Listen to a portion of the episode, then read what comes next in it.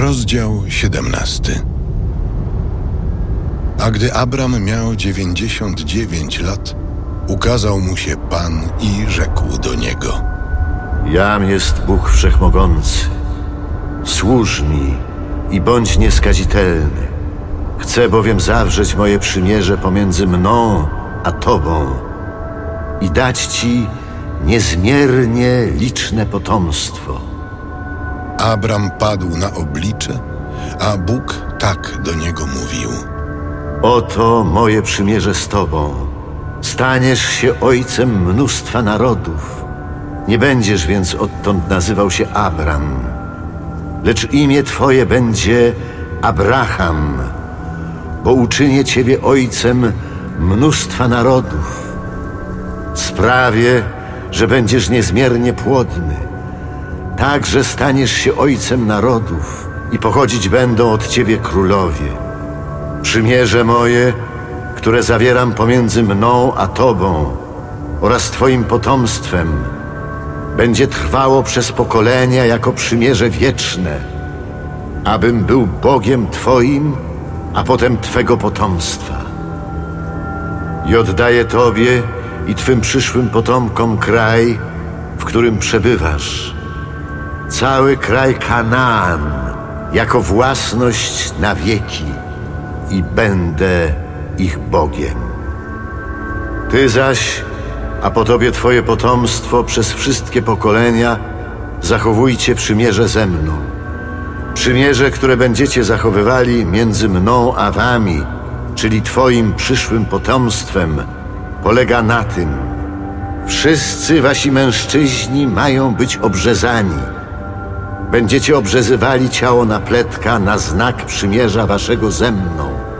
Z pokolenia w pokolenie każde Wasze dziecko płci męskiej, gdy będzie miało osiem dni, ma być obrzezane. Sługa urodzony w waszym domu lub nabyty za pieniądze, każdy obcy, który nie jest potomkiem twoim, ma być obrzezany. Obrzezany ma być sługa urodzony w domu twoim lub nabyty za pieniądze. Przymierze moje, przymierze obrzezania, będzie przymierzem na zawsze. Nieobrzezany czyli mężczyzna, któremu nie obrzezano ciała jego napletka. Taki człowiek niechaj będzie usunięty ze swojej społeczności. Zerwał on bowiem przymierze ze mną.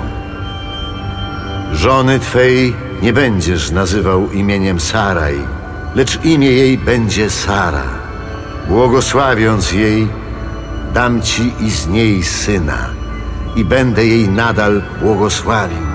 Także stanie się ona matką ludów i królowie będą jej potomkami. Abraham upadłszy na twarz, roześmiał się. Pomyślał sobie bowiem, Czyż człowiekowi stuletniemu może się urodzić syn? Albo czy dziewięćdziesięcioletnia Sara może zostać matką? rzekł zatem do Boga. Oby przynajmniej Izmael żył pod Twą opieką.